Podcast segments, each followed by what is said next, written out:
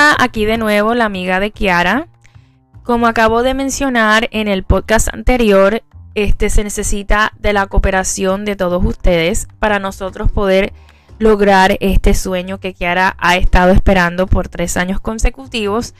Este, yo les expliqué en el otro podcast que Kiara no tiene pasaporte, por eso es que ella no puede viajar a México a conocer a Mauricio. So, necesitamos que ustedes nos ayuden a conseguir gente que trabaje en la televisión o en la radio, en donde sea, pero que trabajen en el entretenimiento y que conozcan a Mauricio Abad, obviamente.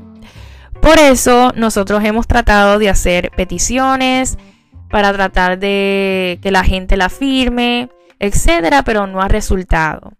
So, no nos ha ido bien con eso. Por eso es que decidí hacer este podcast para regar la voz y para que ustedes nos ayuden.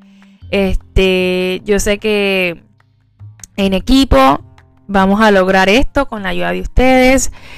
Nosotros queremos obviamente que esto sea sorpresa porque a Kiara le fascinan las sorpresas y también porque queremos que el momento sea emotivo.